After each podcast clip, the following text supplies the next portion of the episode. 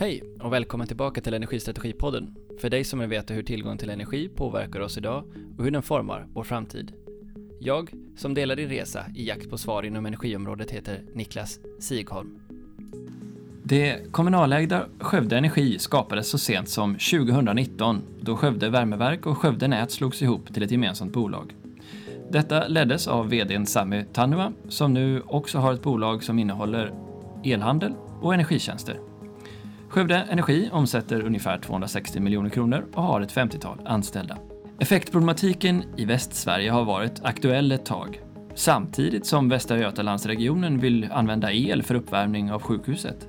Hur går det ihop och varför blir det så? Skövde har också flera industrier, inte minst genom den stora närvaron av Volvo i staden. Vad innebär deras utveckling för energibolaget och behovet i energisystemet? Sedan blir det en liten specialare i det här avsnittet när Sami plötsligt vänder på steken och ställer mig frågorna. Vi får se vad ni tycker om det. Kul att ha er med. Hej Sami Tanua! Varmt välkommen till Energistrategipodden.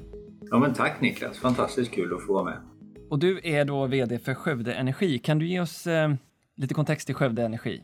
Skövde Energi är ett ganska så traditionellt kommunalt energibolag. Ganska så ungt i sin utveckling. Eh, när jag kom så var det ju två eh, bolag, ett eh, kraftvärmebolag och ett elnätsbolag och numera då så är vi en liten koncern där vi har alla nyttigheterna kopplat mot energi. Vi har också ett elhandelsbolag då som vi delar med några andra energibolag som vi äger 20 i, som heter Billing Energi. Så vi har elhandel, vi har kraftvärme, elproduktion och vi har elnätsdelen. Då.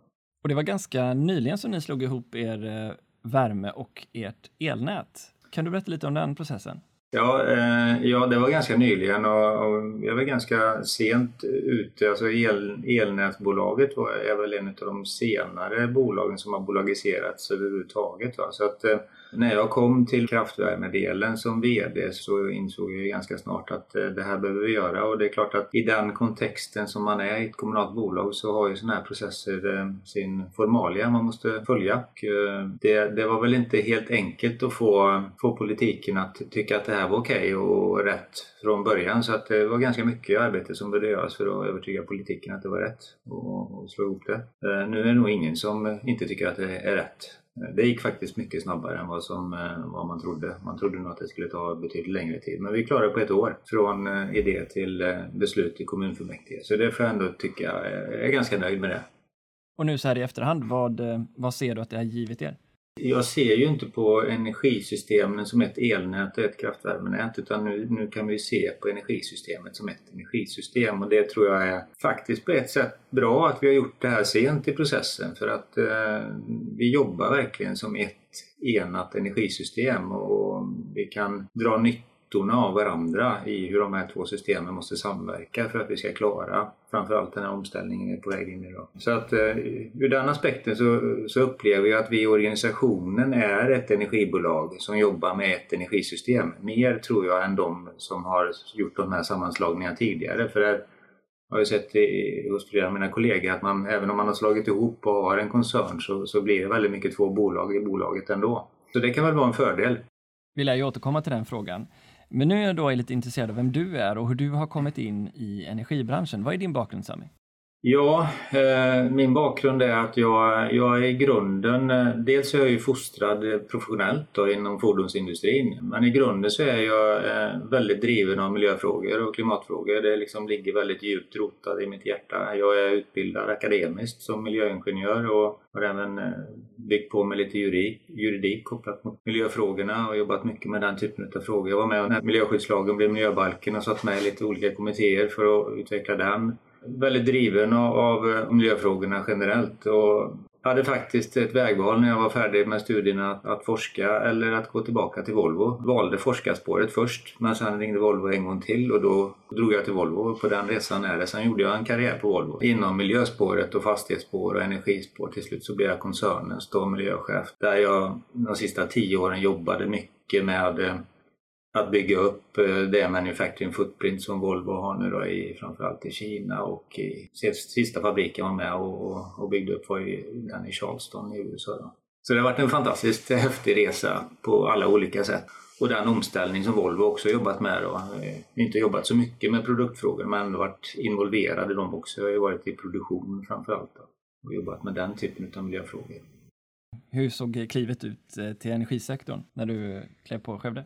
Alltså, dels var jag ju ganska less på att resa så det var, var ju en av anledningarna till att jag kände att nu, nu får det vara bra. Vi har alltid bott kvar. Vi har en eh, en gård på landet här utanför Skövde som, som vi trivs väldigt bra i och jag kände att nu, nu får det vara bra med resandet och, och det ångrar jag inte någonting och framförallt också få ge tillbaka till sin hemstad lite grann eh, med den erfarenhet man ändå byggt upp under de här åren. Så det, det har varit roligt. Sen, jag vet inte, det du kanske är ute efter är liksom den miljön man kommer från ett väldigt konkurrensutsatt företag till ett eh, företag som inte är konkurrensutsatt. Det är ju en stor, eh, naturligtvis en jättestor skillnad. Det, det kan man inte säga annat. Men om vi går in på marknaden nu och vi tar den kontexten som du kommer ifrån, eh, från fordonssidan och vi ser det som håller på att hända just nu och förändringen av hela den branschen till en elektrifiering och kanske en vätgasutveckling. Vad är det du med din bakgrund ser att marknaden är på väg mot? Mark alltså, alltså hela den här omställningen, det är det är en jättesvår fråga du ställer nu Niklas. Det är ju enormt mycket som händer samtidigt. Och Alltså man bara tittar ifrån industriperspektivet som jag gärna vill ha då och det tror jag är viktigt att vi har och det är väl någonting som vi kanske kan prata mer om också för att jag tror inte energibranschen ensam kan liksom jobba med den omställningen utan vi måste ju kroka arm med, med industrin. Och för industrins del så handlar det om en helt ny industriell logik som växer fram. Det är ju, helt plötsligt ska industrin jobba eh, smart tillsammans med energisektorn. Och för att industrin ska kunna göra det smart tillsammans med oss så, så måste vi också jobba närmare varandra. Och det upplever jag kanske inte riktigt att vi har hittat arbetssätten för fullt ut än. Så där, där tror jag det finns ett jobb att göra där vi verkligen behöver jobba närmare industrikunder och även andra typer av energikunder såklart, men industrin framför allt.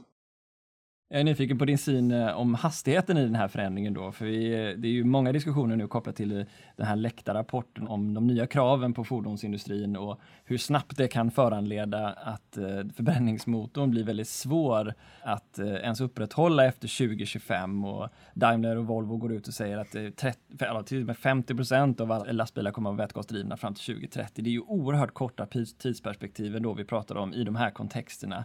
Vad är ditt intryck av, av det här? Nej, men alltså, fordonsindustrin och industrin som helhet har alltid velat eh, ha givna regler och givna förutsättningar. Och om inte någon annan tar initiativet så gör fordonsindustrin själv det. Och det upplever jag att man har gjort nu. Man har slagit näven i bordet. Nu kör vi all in eh, electric liksom. Och det har man gjort. Jag menar Håkan har sagt att han kommer att tycker till och med att vi ska förbjuda liksom förbränningsmotorer. Va?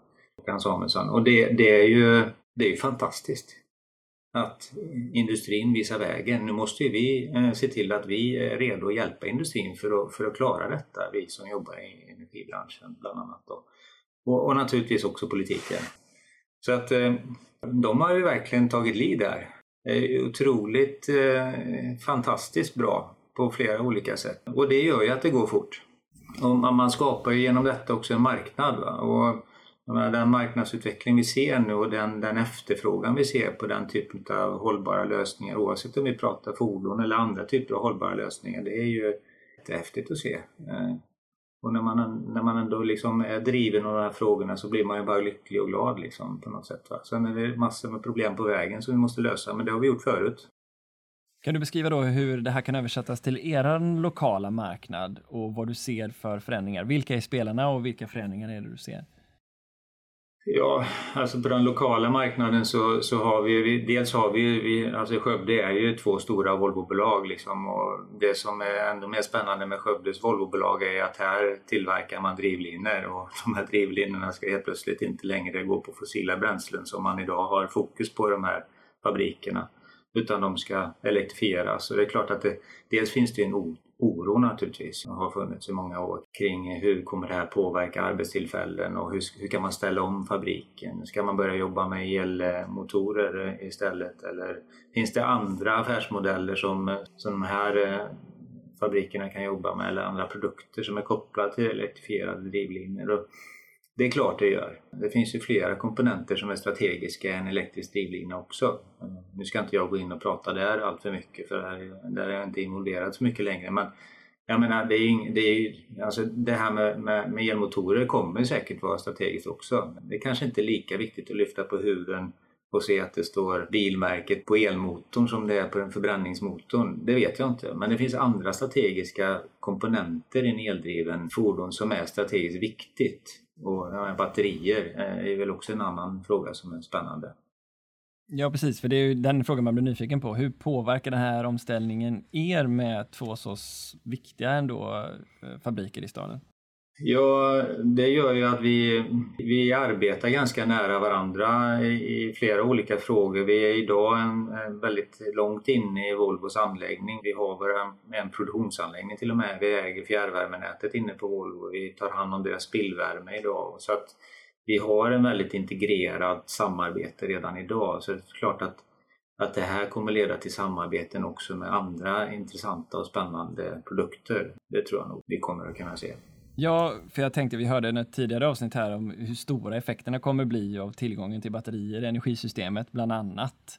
Det här påverkar ju som du själv var inne på flera värdekedjor. Har du någon slags känsla om vart det här är, är på väg?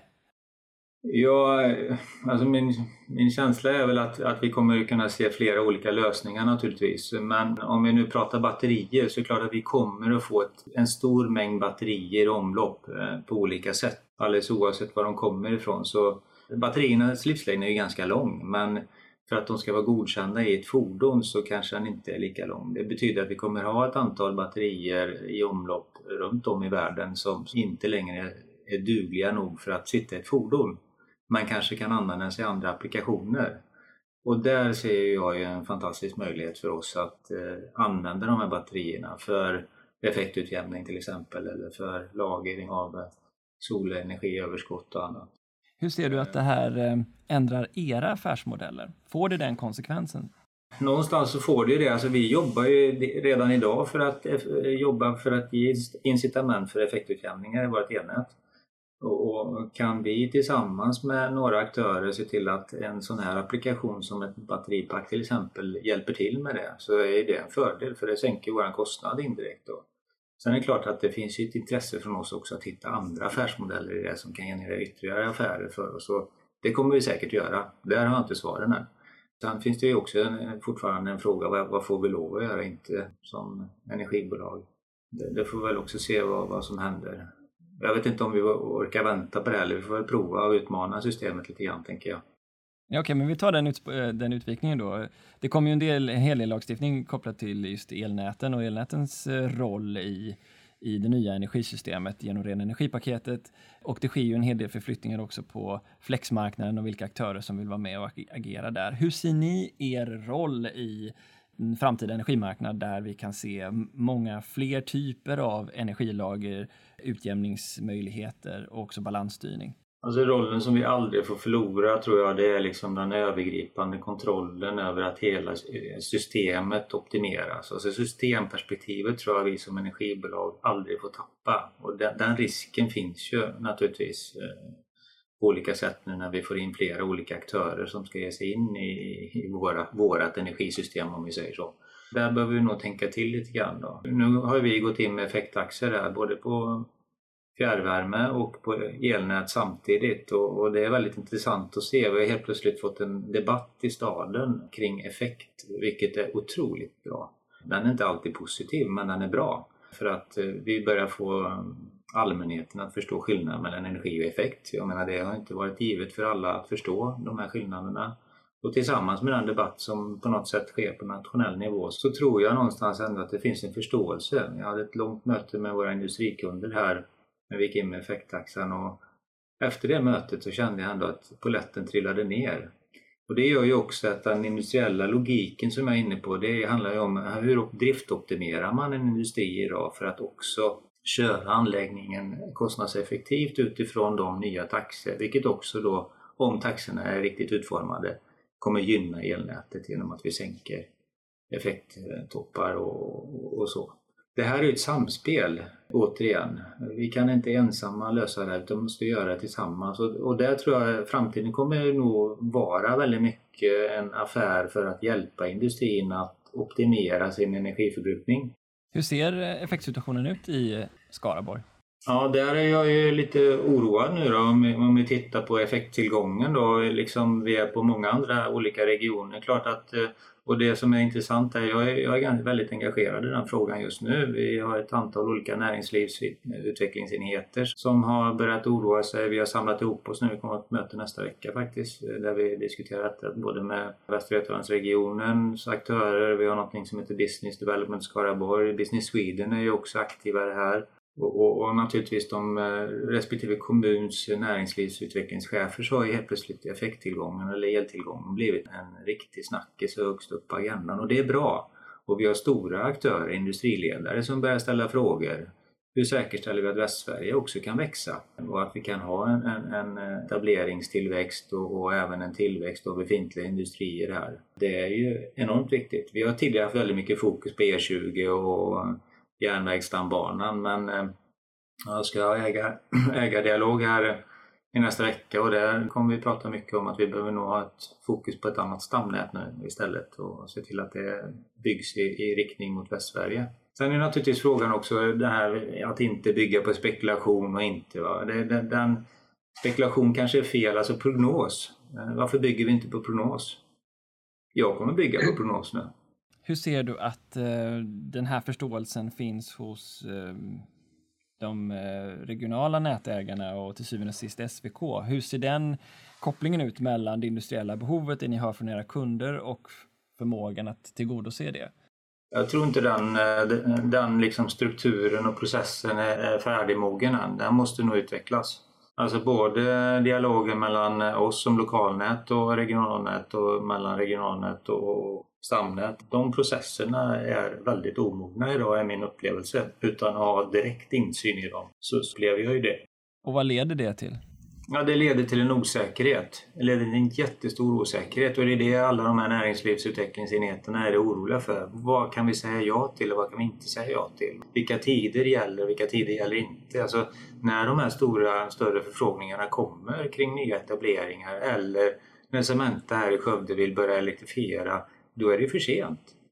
Alltså gå från att vara reaktiva till proaktiva. Idag så tillåter inte systemet proaktivitet och det stör mig. Det tillåter inte planering utifrån och det kanske de här nätutvecklingsplanerna kommer hjälpa oss med. Jag tror att det i grunden är ett positivt eh, regelverk vi går in i. Att vi helt plötsligt måste lyfta blicken och försöka förstå hur vårt elnät ska se ut om tio år. Vi håller på att ta fram en energiförsörjningsplan som siktar mot 2035 nu.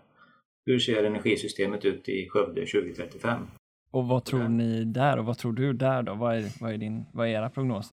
Ja, vi har, just nu så jobbar vi att inom tio år så, så kommer vi fördubbla vårt lokalnäts eh, effektnivå. Den tesen går vi på just nu. Om du får fråga mig igen, för vi har precis startat arbetet. Och, och där behöver vi kanske också det är någonting som jag, som jag driver lite grann mot eh, branschorganisationen. Vi behöver hjälpas åt att ta fram eh, bra nyckeltal som vi kan använda oss av utifrån det som vi kallar liksom samhällets elektrifieringstakt. Den kan man ju kanske hitta någon nyckeltal som gäller över hela Sverige, olika städer. Om man bortser från de olika typer av industrier som, som kanske har väldigt höga effektbehov. Då. Hitta lite gemensamma nyckeltal helt enkelt. Hur starkt kopplat är det här eh, som du ser det till er förmåga till konkurrenskraft? Ja, hur menar du då Niklas? Ja, samhällets eh, utveckling. Om vi tittar på konkurrenskraften utifrån att säkerställa att vi har tillräckligt med effekt i vårt nät. Ja, den, eh, vi har ett stort investeringsbehov såklart. Och det gör ju, nu, nu har ju vi en, en gynnsam situation i Skövde. Vi är otroligt låga elnätstaxor, vi är otroligt låga fjärrvärmetaxor. Så jag, jag, jag sitter i en väldigt bra situation att fortfarande ha möjligheten att, att jobba med de delarna utan att liksom på, den, på det sättet vara, ha en dålig konkurrenssituation. Och, och det är ju bra. Men eh, det är klart att vi kommer behöva göra investeringar som på olika sätt gör att vi måste också höja våran, våra avgifter. Så är det Ganska många sådana investeringar på gång.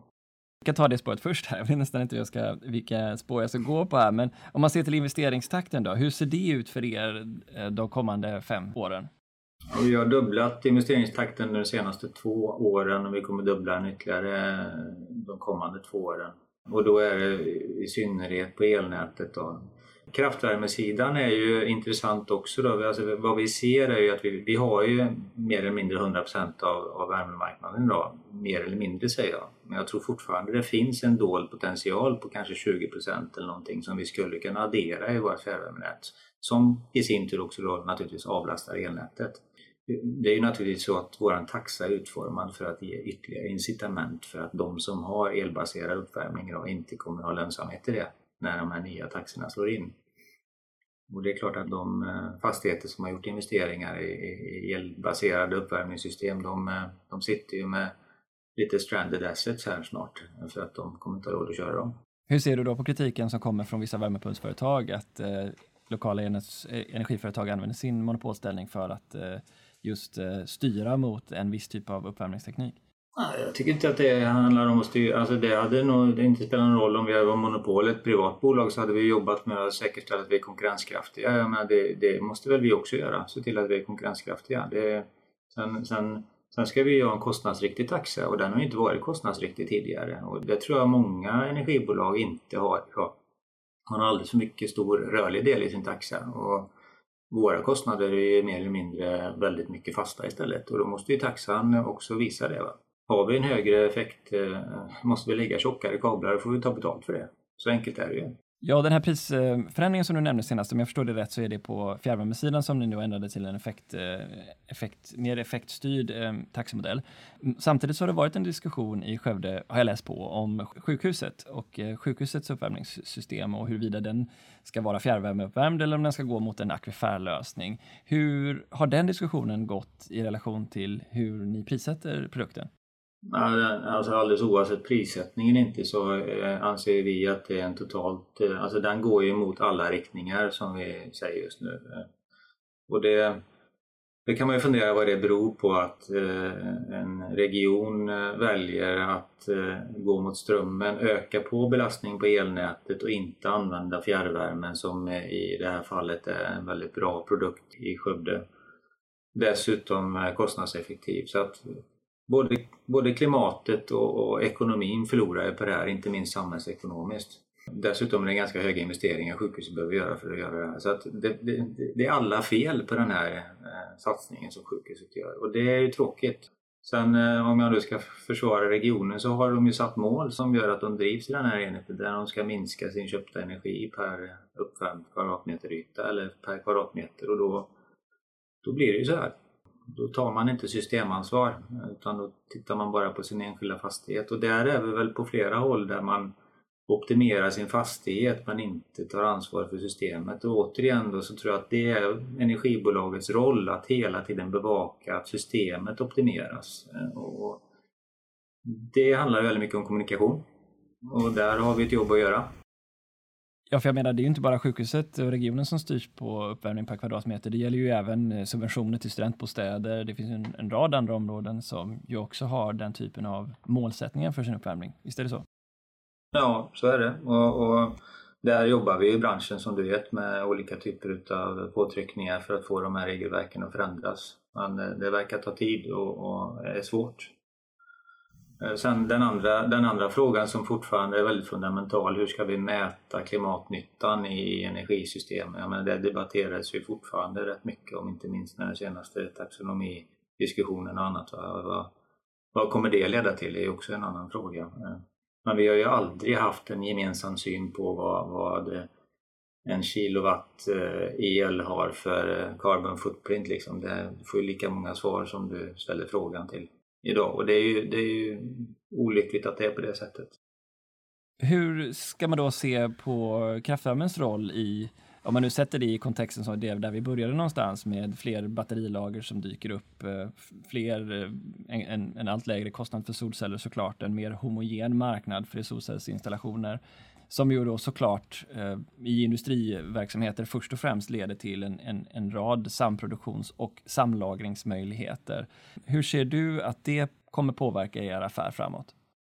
Jag har nog inte något eh, riktigt klart svar där än, men vad vi ser idag är att vi har ju gått in i ett system nu där vi kör våran, våran elproduktion väldigt styrt emot eh, effekt och, och eh, pris. Då. Så att, och det har varit väldigt bra, fantastiskt bra införande. Jag, jag, jag, kan bara rekommendera det. Jag bjuder alla som vill komma hit och titta på hur det funkar välkomna. Det fungerar enormt bra där vi timmen innan få reda på vad priset kommer vara och därmed få reda på exakt vilken, vilken last vi ska lägga på turbinen. Eh, det här har gett oss eh, jättebra feedback. Men det har också lett till att våran, våran produktionsorganisation generellt har börjat fundera på hur kör vi våran anläggning mer optimalt utifrån kostnad, inte bara utifrån driftsäkerhet.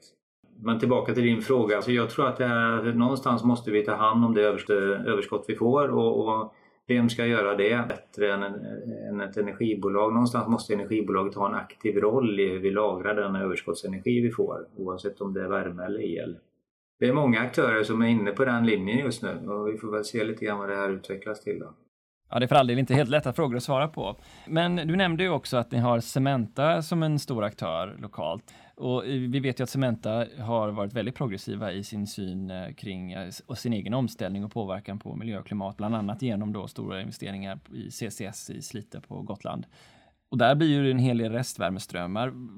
Vad finns det för som mekanismer här som du ser på er marknad kan leda till att tidigare konsumenter till och med också blir producenter av energi? Finns det sådana mekanismer också? Ja, det gör det och det, kommer vi, det har vi bara sett början av. Alltså hela elektrifieringsomställningen nu kommer innebära att vi får rätt mycket spillvärme överallt oavsett vad det är för typ av produktion. Om man tittar på ja, vätgas och tittar på batteritillverkning, enorma mängder energi som ska in och väldigt mycket energi som också kommer ut från en sån anläggning. Och det är klart att vi måste bli bättre på att ta hand om den eh, restvärmen. Eh, många gånger så är, har vi begränsningar i detta också för det kan vara lågvärdig värme som inte direkt passar in. Men här finns det ju, om vi då tillbaka till sjukhuset, de ska göra med, med geotermiska lösningar. Det är ju någonting som vi tittar in i också. Då får vi mer restvärme i systemet så måste vi titta på hur vi kan lagra det här geotermiskt. Och geotermiska lösningar tror jag är någonting som kommer växa eh, framåt här också. För vi kommer ha väldigt mycket lågvärdig spillvärme ifrån olika typer av elektrifierade processer i, i våra system framåt. Så det måste vi bli bättre på, tror jag. Så nu har vi varit inne på en rad utmaningar som förändrar värdekedjor och förändrar affärsmodeller och leder till ökade investeringar. Hur omvandlar ni det här till organisatorisk förmåga när trycket ökar på förändring?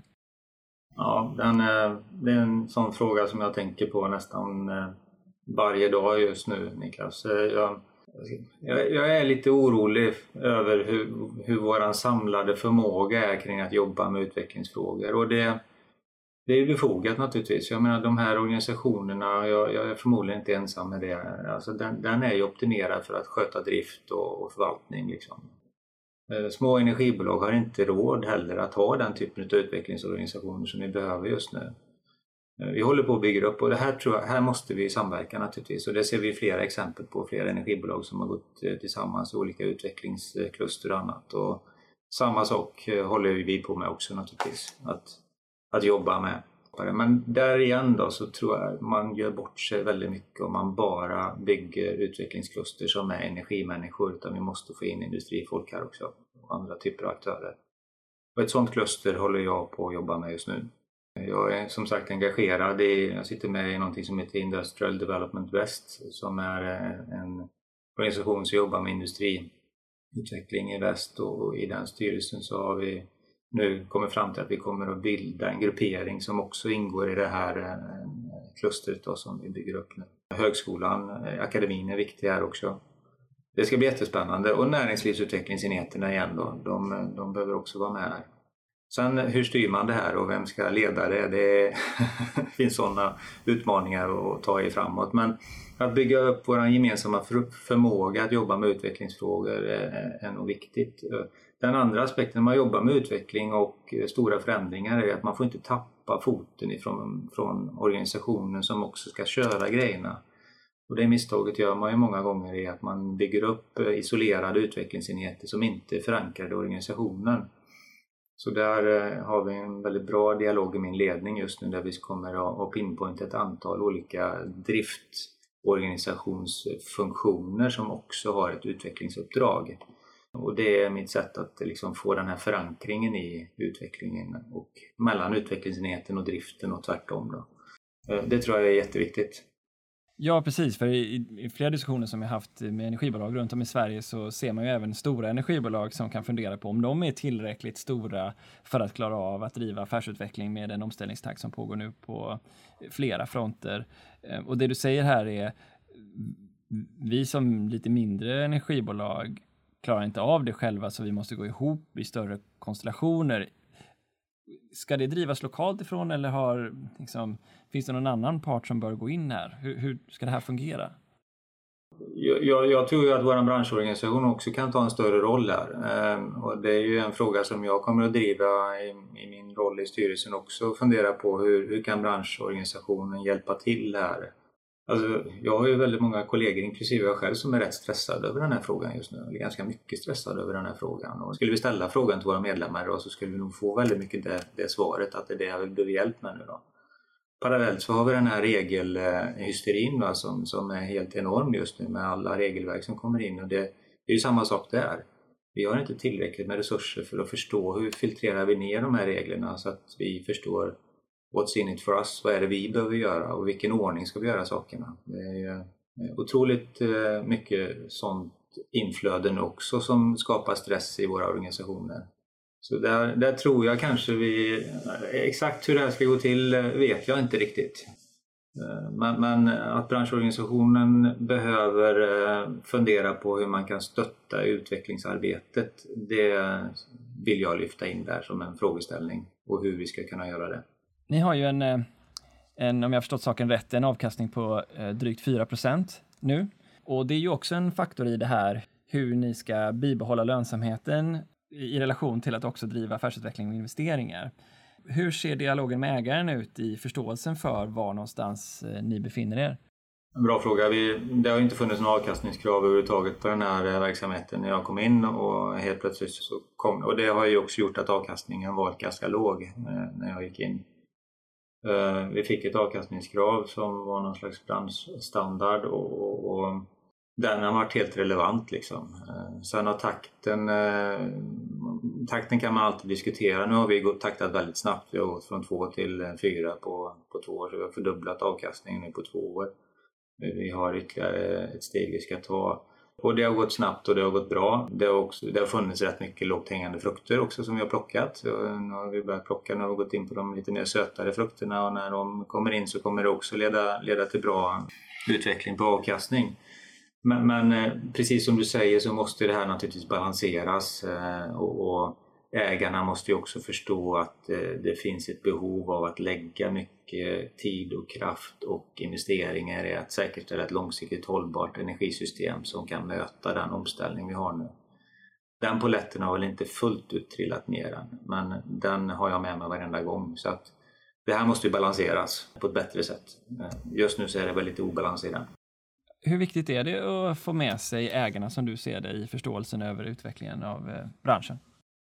extremt viktigt. Alltså jag skulle säga att eh, 90 procent av de ägardialogerna jag har med mina ägare handlar om att få dem att förstå vad, vad som händer i, i, i vår sektor nu, vad, vad omställningen. Och vi förstår ju inte allting själva heller men det, det bästa vi kan göra är att först, liksom beskriva situationen som den ser ut. Och jag tycker att det, det är en bra eh, diskussion där och fler och fler börjar att förstå att vi har den här utmaningen. Så att jag, Samtidigt är vi också gynnade av den nationella debatten som sker. Det är klart att det är, är väldigt positivt att vi har dammsugardebatter och annat som, som gör att det blir enklare för, för politiken att förstå det här också.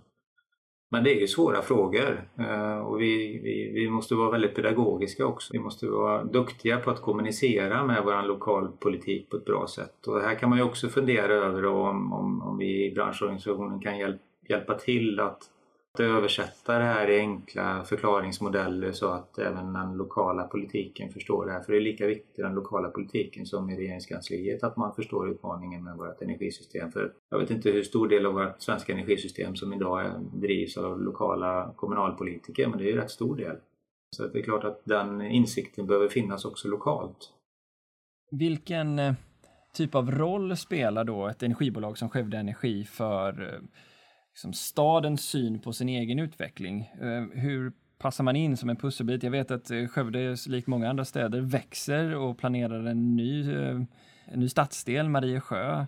Hur är energibolagets position dels som en utdelare såklart, men också som en, en möjliggörare för, för stadens andra typer av klimat och utvecklingsmål.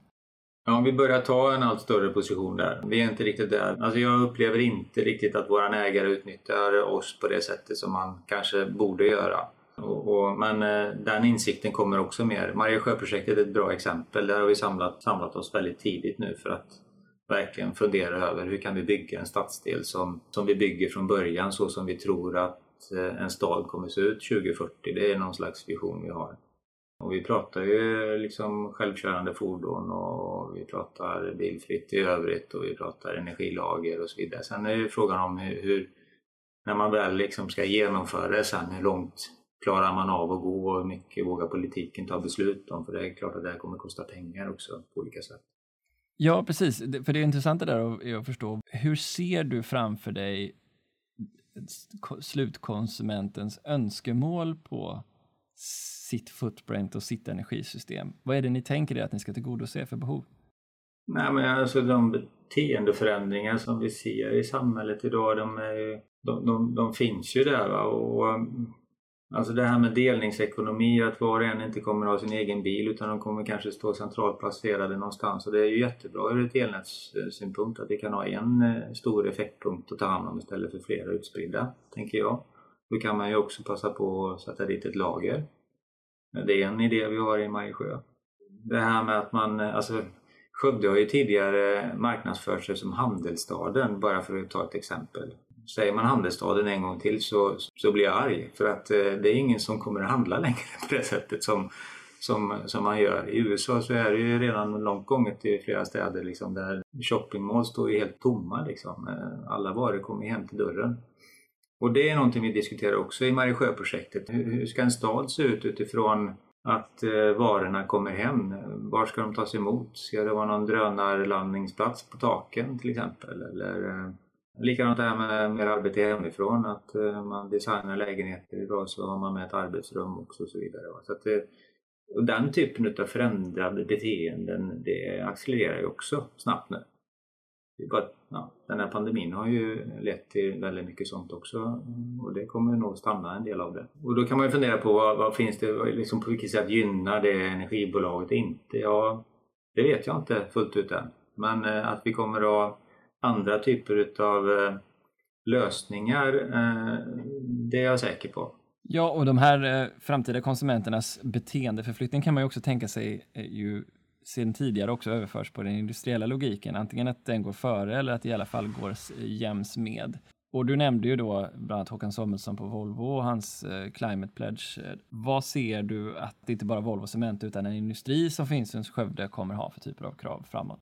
Nej, de kommer ju ställa krav, alltså det med all rätt så kommer de ju ställa krav på att de, de behöver ju få den eh, kraft som krävs för att de ska kunna klara av att göra sin eh, produktion eh, mer anpassad för klimatet. I syvende och sist så handlar det, allt det här är ju drivet av Parisavtalet och det, det är det som är deras så att säga, drivkraft och vår också. Så att, eh, att säkerställa att de, de har kraften i, i, systemet. Men jag tror också att vi kanske måste anpassa oss till att det är inte givet att vi har kraften jämt när den behövs utan man kanske också behöver fundera på kan vi köra våra anläggningar? Kan vi ha skiftgång som ser annorlunda ut? Liksom, det är den logiken som förändras nu och det, man, man måste nog vara beredd att och liksom jobba från båda hållen och det är det jag säger att Därför kan inte vi, vi kan inte utforma ett energisystem kanske som funkar med full toppeffekt varje dag. Vi kanske måste hitta system som gör att vi använder den här effekten lite smartare. Och då kan vi jobba med olika typer av incitament i form av taxer och annat. Men vi kan också jobba tillsammans med industrin och, peka på olika anläggningar, olika delar i industrin. Ja, men kör ni den här anläggningen klockan 10 på kvällen istället så är det bättre för det kommer ni tjäna på. Och det är ju där den här flexmarknaden kommer in också såklart. Så en del då är naturligtvis tillgängligheten, hur man liksom kan designa systemet för en, en smart typ av tillgänglighet. Den andra delen tänker jag är också den om, om kravet på hållbarhet som du var inne på, konsumentbeteendeförflyttningar. Och där har ni ju avfall i botten. Hur ser du på dess position framåt, givet att i ett framtida eh, liksom, energisystem med väldigt mycket mer vind exempelvis så kommer den lilla del av det fossila i, i elsystemet som finns ändå ha sitt upphov i avfalls och energiåtervinning. Till att börja med vill jag säga att allt avfall är ju inget annat än ett misslyckande. Liksom. Det är ju en, en resurs som hamnat på fel ställe. Så är det och, och så måste vi se på avfallet. Det finns inget annat sätt att se på det. Och, och ju, ju, duktigare vi blir på att se på det på det sättet så kommer ju cirkulära system av olika slag att, att, att växa fram och så småningom så behövs inte den här typen av anläggningar men det är ju långt kvar till dess. Fram till dess så behövs ju den här typen av anläggningar där vi faktiskt ändå använder energin i avfallet på ett bra sätt. När det här sker, ja det är jättesvårt att förstå men om vi tittar i det europeiska perspektivet så kommer vi hålla på länge till och, och, och behöver göra energi på avfall. Så där, eh, där tycker jag liksom att det är helt rätt. Och den andra aspekten är ju, ja, alternativet är att vi deponerar det. Då är det ganska givet att det är bättre att samla ihop det och göra energi på det och avgifta samhället genom att vi tar hand om, om, om restprodukterna. De svenska anläggningarna har så höga miljökrav och så vidare. Vi har ju världens bästa förbränningsteknik när det gäller det här. Så att där finns det ju ingen annan lösning idag än att fortsätta att jobba uppströms. Och där måste vi ändå inte gå in som offer och liksom ta på oss all skuld själva utan igen då jobba tillsammans med samhället på olika sätt för att uppströms minska plastanvändning och så vidare. Vi har ett antal sådana kampanjer igång i Skövde idag där vi jobbar både med industri och med fastighetsbolag för att se hur vi kan minska det. Men det är ett konsumentbeteende igen, se till att bära hem så lite plast som möjligt från affären och det gör vi i bättre utsträckning idag. Och sen naturligtvis återvinningsbranschen måste bli bättre också, vassare på att ta hand om materialet. Där har vi också utmaningar. Samtidigt är det ju då den här, eh, hur ser du på Dels är det ju en intäktskälla eh, för er och dels så vill ni minska på tillgången på det så att säga. Hur mycket ser du att tillgången på avfall skulle kunna sjunka då framåt?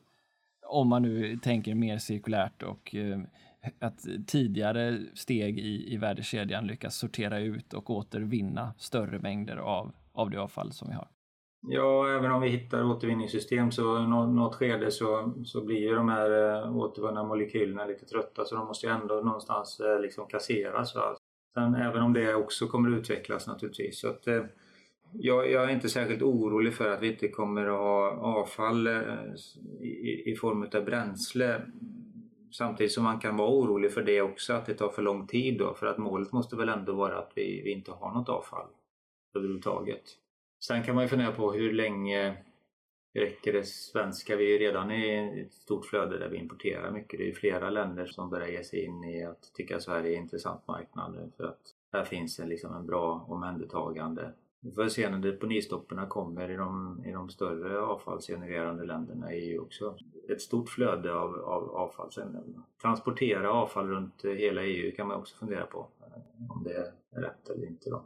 Alltså i grund och botten så handlar det ju om att se till att designa olika processer och eh, produkter för att det inte blir något avfall. Och designkraven är ju också någonting som, design for recycling pratar man ju om eller design for, for zero waste det är liksom det som är väldigt intressant just nu. Och det handlar ju både om att designa processer och produkter för att det inte ska bli avfall av dem. Och det, det, det är liksom där man måste börja någonstans. Ja, jag tänker här på liksom hur det påverkar liksom energibolagens roll och synen på energibolagen eftersom det ju på något sätt är liksom eh, det, det sista liksom, eh, resterna som är kvar av den konsumtion som vi har och som dessutom energibolagen som med höga hållbarhetsmål då, precis som du var inne på, också egentligen vill bli av med. Det är ju en eh, affärsmässig lurig balans, tänker jag. Ja, och det kanske är lite för billigt idag också att få eh, ett avfall i en process. Det är lite för billigt att bli av med det. Det är väl också någonting som, eh, om vi pratar om vi ska ha ekonomiska styrmedel, nu, nu har vi ju en, fått en, en straffavgift på avfallsförbränning. Klart att den tar ju vi betalt för uppströms och någonstans så påverkar ju det också även om vi jag ska inte sitta här och försvara förbränningsskatten för det, det gör jag inte men för det, vi tror inte den slår rätt men någonstans så har det ändå en effekt. Att saker och ting blir dyrare så, så börjar man titta på andra lösningar. Vi har haft flera spår här. Vi har elnätets utveckling och ökade behov av investeringar för att få en, en, ett, ett smartare designat system för framtidens flexibilitetsmarknad. Vi har varit inne på eh, den eh, regionala behovet av säga, prognoser för att liksom, säkerställa att investeringar görs för att möta framtida behov och inte eftersläpar alldeles för mycket. Vi har då kraftvärmeaffären, du har effektprissatten, du har diskussionen om, om sjukhusets mål som står i konflikt kanske med andra sätt att se på systemnytta och miljövärden. Du har beteendeförändringar på kundsidan som, och naturligtvis också på industrisidan. Vad har du för önskemål på politiken i ett sånt här läge som ju ändå har en, en kraftig påverkan på hur affären ser ut för dig och er på Skövde Energi? Alltså det, det, är väl så att, att regelverken inte riktigt häng, hänger med i den takten som eh, förändringen och omställningen accelererar just nu. Så, så, är det ju. Det tror jag kanske man får acceptera i viss mån att det är. Men när man väl har en förståelse för det så måste ju politiken också jobba med, med effektivitet i sina processer. Och där har vi ett jobb att göra tror jag, på alla olika plan. Eh, även i myndigheter eh, som vi har pratat om tidigare. Att vi behöver liksom titta på vad har vi för processer där vi snabbt kan komma till beslut. För att ett dåligt beslut som tas snabbt kan ibland vara bättre än inget beslut som det tar väldigt lång tid. För att det här skapar ju väldigt mycket osäkerheter idag. Och det är någonting som jag har reagerat ganska mycket över sedan jag började i energibranschen. Att vi har väldigt många stora regelförändringar som har pågått under jättelång tid. Eh, som gör att vi, vi stannar av liksom, och, och, och, är oroliga för vad vi ska ta vägen. Då kan jag ibland tycka ändå att ja, men, ta ett beslut och, och låt det vara hyggligt bra. Då. Det kanske inte behöver vara liksom, eh, synat i alla sömmarna utan det är bättre att vi får några givna spelregler istället och så kör vi efter det. Vad är de viktigaste besluten som du skulle vilja se? Ja, just nu så finns det väl inget viktigare än att se till att vi, att vi får snabbare utbyggnad av elnäten. Liksom det, att, att tillståndsprocesserna för elnätets liksom, utveckling, det måste ju vara, om vi nu pratar i ett eh, AB Sverige-perspektiv så är ju det att vi, att vi får ett konkurrensneutralt land där vi oavsett var någonstans i vårt land vi placerar elintensiv industri så ska det konkurrera på samma elprisvillkor och samma möjligheter till effekttillgång det måste ju vara målsättningen. Vi kan ju inte sätta ett hinder för AB Sverige genom att vi inte har en, en, en infrastruktur som inte är tillräckligt utbyggd på grund av att vi har en miljölagstiftning som tar alldeles för lång tid. Och jag tror inte vi behöver göra avkall på de miljökrav vi har när vi, när vi så pass mycket tillståndsfrågor har jobbat med tidigare. Så att det handlar bara om att smörja upp det systemet ordentligt så kommer vi kunna minst halvera den tiden det tar. Kan en elintensiv industri på, säg ett antal megawatt i förbrukning etablera sig i Skövde stad idag? Jag vet faktiskt inte. Vi har inte fått vi får inga sådana svar. Det är idag, och det är ju också en, en, en, fråga man kan fundera över. När har jag rätt att få ett svar på en sån fråga? Hur skarp måste förfrågan vara för att jag ska få svar på det? Och det är precis det här som näringslivsutvecklingsenheterna är så kritiska mot idag. Att man inte har svaret. Så man vet inte hur långt in i dialog man kan gå med olika etableringar. För att man måste gå in med en skarp förfrågan. Nu ska jag vara försiktig här för jag, jag, kan inte riktigt det här regelverket kring föranmälan och allt sånt där, vilka saker som måste vara på plats. Men, men jag kan konstatera att det finns en väldigt stor osäkerhet i hur den här processen egentligen ska gå till. Och då menar jag att då kanske vi måste jobba med lite mer prognoser, inte bara vi som el nät ska ju lägga elnätsutvecklingsplan. Så vi måste ju jobba ganska nära den delen där vi vet vilka etableringar som kan vara aktuella för vår region. Liksom vi behöver ha en ganska bra idé om hur olika planer ser ut för Cementa eller Volvobolagen och så vidare. Så det här är ett samspel igen va? och där måste ju elnätsbolagen, alltså vi pratar regionnät och stamnätsbolag, liksom vara med i de dialogerna på något sätt, tänker jag. För annars kan vi aldrig bli proaktiva här utan då blir det ju bara reaktivt och då, då tror jag inte det räcker med halveringen utav tillståndsprocesserna för då är det för sent ändå. Då väljer de etableringarna att placera sig någon annanstans. Hur ser du på försörjningssidan då? Om ni ska gå från säg 70 megawatt abonnerad effekt idag upp till 120 någonstans i ett framtidsscenario. Hur ser du på tillgången på den effekten? Eh, ser du att ni kommer att ha det? Jag förstår att det är en sak att, att försörja med elledningar, men det är också en annan sak att, att hitta producenter för all den el som, som behövs lokalt. Ja, jag utgår från att den finns men eh, alltså, det, det, är ju återigen en fråga som, som jag måste få svar ifrån eh, regionnät men jag, jag ser inte, alltså det finns väl ingen annan nu. Nu jobbar vi mot ett scenario, senaste scenariot som kom från energiföretagen var 300 terawattimmar var det inte så? Eh, totalt Sverige och, och vad det innebär i Ja just det, fördubblad energiförbrukning. Ja. Nu, nu, finns det ju olika typer som, som hybrid och annat och som, som enskilt är väldigt stora i det här då, men om man, om man tittar på det scenariot så måste man ju ändå översätta det i vad innebär det för Skövde stad? Och då måste ju Vattenfall som är vår regionnätsägare också förstå, liksom, de jobbar ju med motsvarande frågor. Och det är väl det de här nätutvecklingsplanerna ska vara till för tänker jag. Det, jag tycker att det är ett bra, det verkar vara ett bra system. Har ni förmågan att driva utvecklingen ifall frågan och behovet kommer och besluten kommer? Att driva utvecklingen för... Eh, för den typen av utbyggnad som ni ser? Har ni de interna ja. resurserna? Alltså det är inte nej. hos er flaskhalsen kommer vara väl egentligen frågan? Nej, nej, nej, nej, nej det har vi inte. Vi, vi måste ju förlita på oss på att våra regionnätsägare har den typen av resurser. Och, och igen då så måste vi mötas i den typen av dialoger. Men jag tror igen, jag har ju sagt det flera gånger, men jag tror att nätutvecklingsplanen kommer tvinga oss in i den typen av processer. Och vi som sagt, vi har börjat med, vi har, vi, vi har gjort våra nätutvecklingsplansarbete till ett energiförsörjningsplansarbete så vi jobbar ju med att titta på hela energisystemets eh, behov på längre sikt och i det så ska vi också jobba med nätutvecklingsfrågorna. Men eh, ge mig då ditt perspektiv på eh, Skövde Energis eh, position på marknaden om en 5-10 år. Vad tror du kommer vara de stora skillnaderna och hur eh, möter ni dem? Ja, egentligen så skulle jag faktiskt vilja eh, vända på frågan här nu Niklas. Jag menar, du, du, du har ju suttit här nu med eh, och intervjuat. Hur många poddar har du gjort nu? Det är 45 ja, snart, stycken? Ja, snart ett 50-tal. Ja. Man räknar in de som har gjort det. Mm. Alltså, det, till att börja med så måste jag ge dig otrolig eloge. Det är fantastiskt bra det här för oss. Det är ja, otroligt eh, bra att, att, få de här insikterna. Men jag tänker att du sitter med fullt med insikter just nu. Och den största utmaningen jag har framåt här nu, det är att jag håller på och skissar på hur ska min strategiska utvecklingsplan se ut de kommande fem åren? Och vi har ju pratat om flera saker som den här strategiska utvecklingsplanen ska innehålla. Och det är en lång lista. Absolut.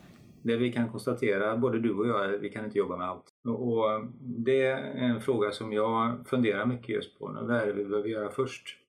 Och hur ska vi sortera den här utvecklingsplanen? Så jag skulle faktiskt vilja vända på frågan Niklas. Vad är de tre topp tre prioriteringarna jag ska ha i min strategiska utvecklingsplan? Jag menar, jättemånga VD som är nyfikna på det här svaret.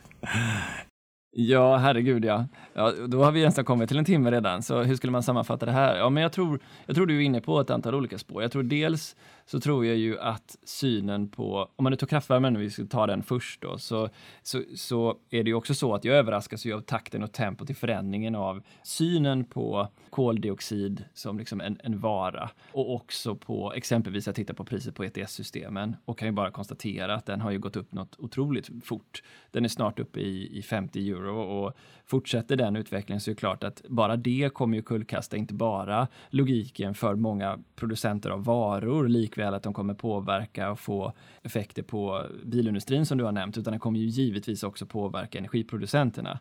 Och där ser vi ju att många av de stora verkligen tar position för att minska ner sina koldioxidutsläpp och tar ganska stora affärsrisker inom CCS-området.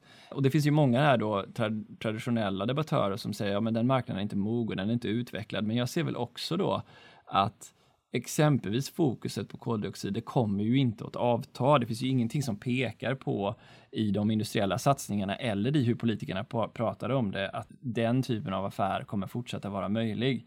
Även jag blir ju förvånad över om man tänker så här, men vad kommer priset för en koldioxidneutral bil egentligen att vara? Om man nu tar liksom konsumenttrycket, säg att det kommer vara flera gånger dyrare.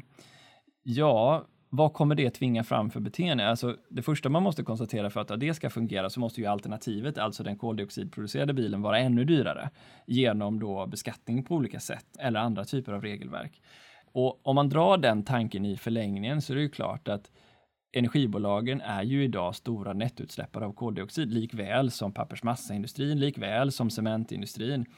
Och det är ju lite coolt då att titta på vissa av de här färdplanerna och de företag som går längst fram. Exempelvis Cementa, det är ju en enorm investering och en enorm affärsrisk att ta. Och jag kan inte se att alla de ledningsgrupperna, oavsett om vi pratar om H2 Green Steel eller eh, LKAB eller Cementa eller alla de Volvo som du nämner, alla de industrier som nu väljer att plöja ner enorma mängder pengar i vad som kanske bara för tre, fyra år sedan sett som otroligt riskfyllda och absolut inte mogna marknader. Och, och ju fler sådana bolag som kommer ta den här typen av trender, ju viktigare kommer det vara för alla andra att följa efter, för man kan liksom inte vara sist på bollen, för det kommer bli dyrt. Och det är klart att det sätter ju CCS-frågan i en helt annan dager. Det sätter plastavskiljning i avfallsflödena i en helt annan dager. Det sätter behovet av hanteringen av askflöden och cirkulär, cirkularitet i ett helt annan dager.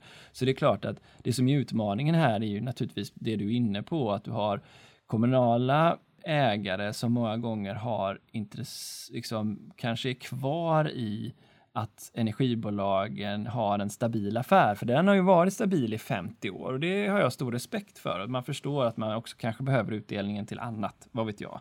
Men dilemmat här är ju att förmodligen så kommer ju energibolagen också stå inför stora investeringar med en förhöjd risk. Men kommer man kunna undvika att ta den typen av investeringar? Kommer man tänka sig att man blir på något sätt eh, lämnad åt sidan och att det är konsumentprodukter som är det som kommer vara reglerat hårdast så tror jag man gör ganska stort fel. Men sen när den tajmingen är rätt och våga ta den risken, ska man, ska man leda det arbetet som exempelvis Stockholm Exergi gör nu då i, i mm. CCS-frågan eller ska man vara en, en late mover som det heter. Och det beror ju på hur, hur snabbt man avgör att penetrationshastigheten på marknaden går. Och det var någonting du tog upp precis här i början. Jag menar, jag nämnde det i någon tidigare podd, så här, det är att Mercedes går ut och säger att med den nya typen av lagstiftning så kommer en förbränningsmotor i en bil förmodligen vara uttjänt som affärsmodell 2025. Och det är klart, det är ju liksom, vadå, tre och ett halvt år, eller tre, tre och ett halvt år bort, fyra år bort liksom på sin höjd. Det är ju så korta tidshorisonter så att man ju baxnar såklart. Ehm, eh, och, och, det är ju egentligen vad alla experter säger till mig. Eh, och det gör ju att utvecklingsbehovet och kravet på förståelse för hur de här marknaderna rör sig blir lika stor oavsett om det heter Skövde Energi eller Stockholm Exergi eller Öresundskraft eller E.ON eller vilket bolag du än tar i storleksordningen. Och den typen av affärsrisk är ju inte kanske vanan i styrelserummen på energibolagen. Och då då landar man ju i det här som du kanske lite diplomatiskt är inne på. Liksom, hur skapar vi vettiga samarbeten för att ta kalkylerad risk?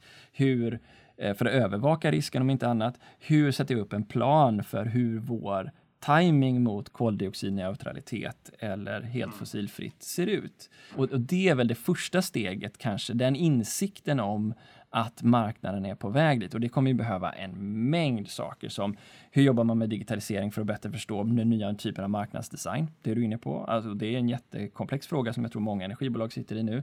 Hur ska man få finansiering för den här typen av resurser? För det går inte riktigt att jämföra med den privata branschen. Eh, sådär. Hur säkerställer man det? hur långt kan man dra de här besluten utan att ta risk så man vet att när det väl är verkligen dags, då kan man bara trycka på startknappen och komma igång. Till då, och då har jag liksom bara nu väldigt snabbt pratat om kraftvärmeaffären, för elnätsaffären är ju, är ju och, och, vad som kommer hända på den nya elflexmarknaden är ju minst lika intressant och komplex att förhålla sig till. Och, och den är ju i högsta grad, liksom, eh, med tanke på hur monopoliserade elnätsbranschen är, en politisk diskussion. Och där kan jag ju också då konstatera att det jag hör från politiska företrädare, från myndighetsföreträdare och liknande, är ju att precis som du är inne på så är ju marknadsdesignsfrågan alldeles, alldeles central. För det är inte bara en fråga om vilken effekt man, kom, man eh, konsumerar, utan det är också en fråga om när man konsumerar den här effekten och hur man skapar en design för det. Och mig veteligen har jag ännu inte hört något riktigt bra exempel för hur man designar det systemet, utan det är ju på test nu där exempelvis E.ON, Vattenfall och flera testar de här lokala effektivitetsmarknaderna. Och då är ju min fråga så här, vem ska du gå till för att skapa en lokal effektmarknad i din region? Och vem kommer äga det? Och hur kommer det förhållandet se ut mellan dig och kringliggande energibolag? Alltså vad är en rimlig kontext att samla sig kring? För det, det funkar ju inte att du som elnätsägare har en typ av effektmarknad lokalt och sen så har nästgårds har en annan. Eller klart, det kan ju fungera, men det kommer ju leda också till ineffektiviteter. Så där finns också ett stort liksom, digitaliserings och utvecklingsbehov. Så det är klart att det är så att, att det behöver ju satsas resurser på framförallt informationsinhämtning i en osäker tid. Det skulle jag ju rekommendera till. Men det måste ju ske samtidigt som det sker kostnadsreduktion i den förvaltande organisationen organisationen. Och hur ska det gå till? Båda de här två sakerna måste man hålla i huvudet samtidigt. Och, och det är, ska, att, att se det tydligt i en plan är väl det som jag tror många kämpar med, men som jag naturligtvis också som en fiktiv styrelsemedlem hos dig hade efterfrågat. Mm. Um, för jag hade inte då, hade inte velat att vi hamnar i ett läge där där det helt plötsligt är så att ETS-priset fortsätter springa iväg, vilket gör din avfallsaffär du vet, otroligt dyr helt plötsligt och vi inte är preppade för att exempelvis jobba med ökad cirkularitet. Och det här är ju intressant för det spiller ju över på avfallsinhämtarna. Alltså, hur kan du jobba med det lokala återvinningsbolaget för att säkerställa att de gör allting de kan vid återvinningscentralerna så att man inte får eh, så att säga då sånt som inte borde förbrännas i avfallshögarna. För vi vet ju med oss att nästan två tredjedelar av det som slängs i, i svenskt hushållsavfall fortfarande är sånt vi borde kunna sortera. Så den typen av samarbeten kommer också bli otroligt mycket viktigare. Och jag lyfter upp avfallsfrågan just eftersom det kommer vara två faktorer tror jag som den framtida konkurrensen hänger på. Och det ena är ju naturligtvis prissättningen. Det kommer man ju inte ifrån. Det är klart att det är liksom en, en väldigt viktig fråga. Den andra är ju ja, gram koldioxid per kilowattimme. Och, och det kommer man, det, det, kommer vara, den kommer bara stiga i konkurrens, eh, liksom konkurrensbetydelse. Exakt, precis så. Och där har vi ju en mätproblematik också. Jag menar, jag hade ju önskat, eh, och vi, vi har faktiskt ett intressant eh, projekt igång med högskolan när vi tittar på, finns det sofistikerade metoder idag med, med, med dagens teknik med, med kameraigenkänning och annat där vi skulle kunna få en screening på det inkommande avfallet, mm. hur mycket fossilt innehåller det. För ingen skulle vara gladare än jag och, och, jag tror väldigt många skulle vara glada om vi kunde debitera utifrån plastinnehåll direkt till kunden. Idag kan vi inte det. Eh, inte ens de som, som mäter, för de mäter ju i skorstenen idag. Vi, vi har ju inte ens kravet på mätning där, för vi går ju på den nationella schablonen idag. Så att eh, de som kommer in med sitt avfall i Skövde får ju betala utifrån det plastinnehållet som Sverige har idag. Och det, det är ju en styrning som, som skulle vara väldigt intressant framåt här. Ja, och då, och då kommer vi in på digitalisering av, av energibolagen där den takten ju behöver öka något alldeles för att dels kunna möjliggöra det du är ute efter, att ha någon form av machine learning AI-algoritm på en vision-system och alternativt att i princip minut för minut, timme för timme veta vad relationen är mellan det man förbränner och vilken koldioxid det genererar, för det kommer vara väldigt viktigt för, för affären. Och den processen är absolut påbörjad i energibranschen, men det är en lång väg kvar att gå. Och det kan man ju ställa i relation till hur snabb hastighetsförändringen är inom många andra branscher då. Ehm, så, så hur snabbt den frågan stiger. Nu ligger ju så här långsiktiga prognoser om att ETS, alltså utsläppsrättssystemet kommer ligga på, på 90 euro 2030. Men vad händer då? Eh, hur påverkar det vår affär om den gör det till 2025, 2026? Eftersom alla tidigare prognoser nu har visat sig vara alldeles för snålt tilltagna. För då kommer det ha en rejäl och betydande påverkan på er affär. Det är den typen av, av strategisk färdplan som jag tror liksom, jag hade liksom fokuserat på att få fram om jag hade varit en styrelseledamot. Eh, sen kan man naturligtvis diskutera då om, om är det rätt att vår, det fossila innehållet i vårt avfallsbränsle är en del av ETS-systemet? Som man, kan, eh, som man kan fundera över. Ja, det är en till fråga. Men tror du att det någonsin kommer bli en förändring av det, givet var, den, var politikerna står någonstans idag? Nej, då kan man ju begrava den frågan. Ja, jag har väldigt svårt att se. Relevant. Ja, jo, men den är ju högst relevant huruvida eh, liksom, energiåtervinning ska vara samförbränningsanläggningar. Det blir en väldigt teknisk diskussion det där. Liksom. Ja. Men, men jag kan ju efter liksom, mina kontakter med politikerna liksom inte kanske se det i min radar då att med tanke på att vikten av koldioxid, framförallt det fossila, ökar i den politiska liksom, diskussionen så kommer ju inte en, en del som ger upphov till fossil koldioxid släppas från ett utsläppshandelssystem. Det har jag, det har jag liksom svårt att se i min kikare. Då. Så liksom, vad, vad blev mitt svar till det egentligen? Så här, ja, jag, jag förstår att vi inte kan slösa med pengar och göra investeringar i förtid, men precis som du var inne i nätutvecklingsplanerna så är det ju informationsinhämtning kommer att vara alldeles avgörande för att förstå hur de här investeringarna skulle påverka ditt energisystem. Eh, och det ser vi ju liksom. Det är ju en rad förstudier som är på gång på CCS, även om man inte fattar något aktivt beslut. Bara för att ta ett exempel. Precis som man kanske måste börja spekulera i hur mina nätinvesteringar måste se ut för att klara av en mer, liksom, eh, säga, eh, prosumentdominerad elhandelsdistribution. Då.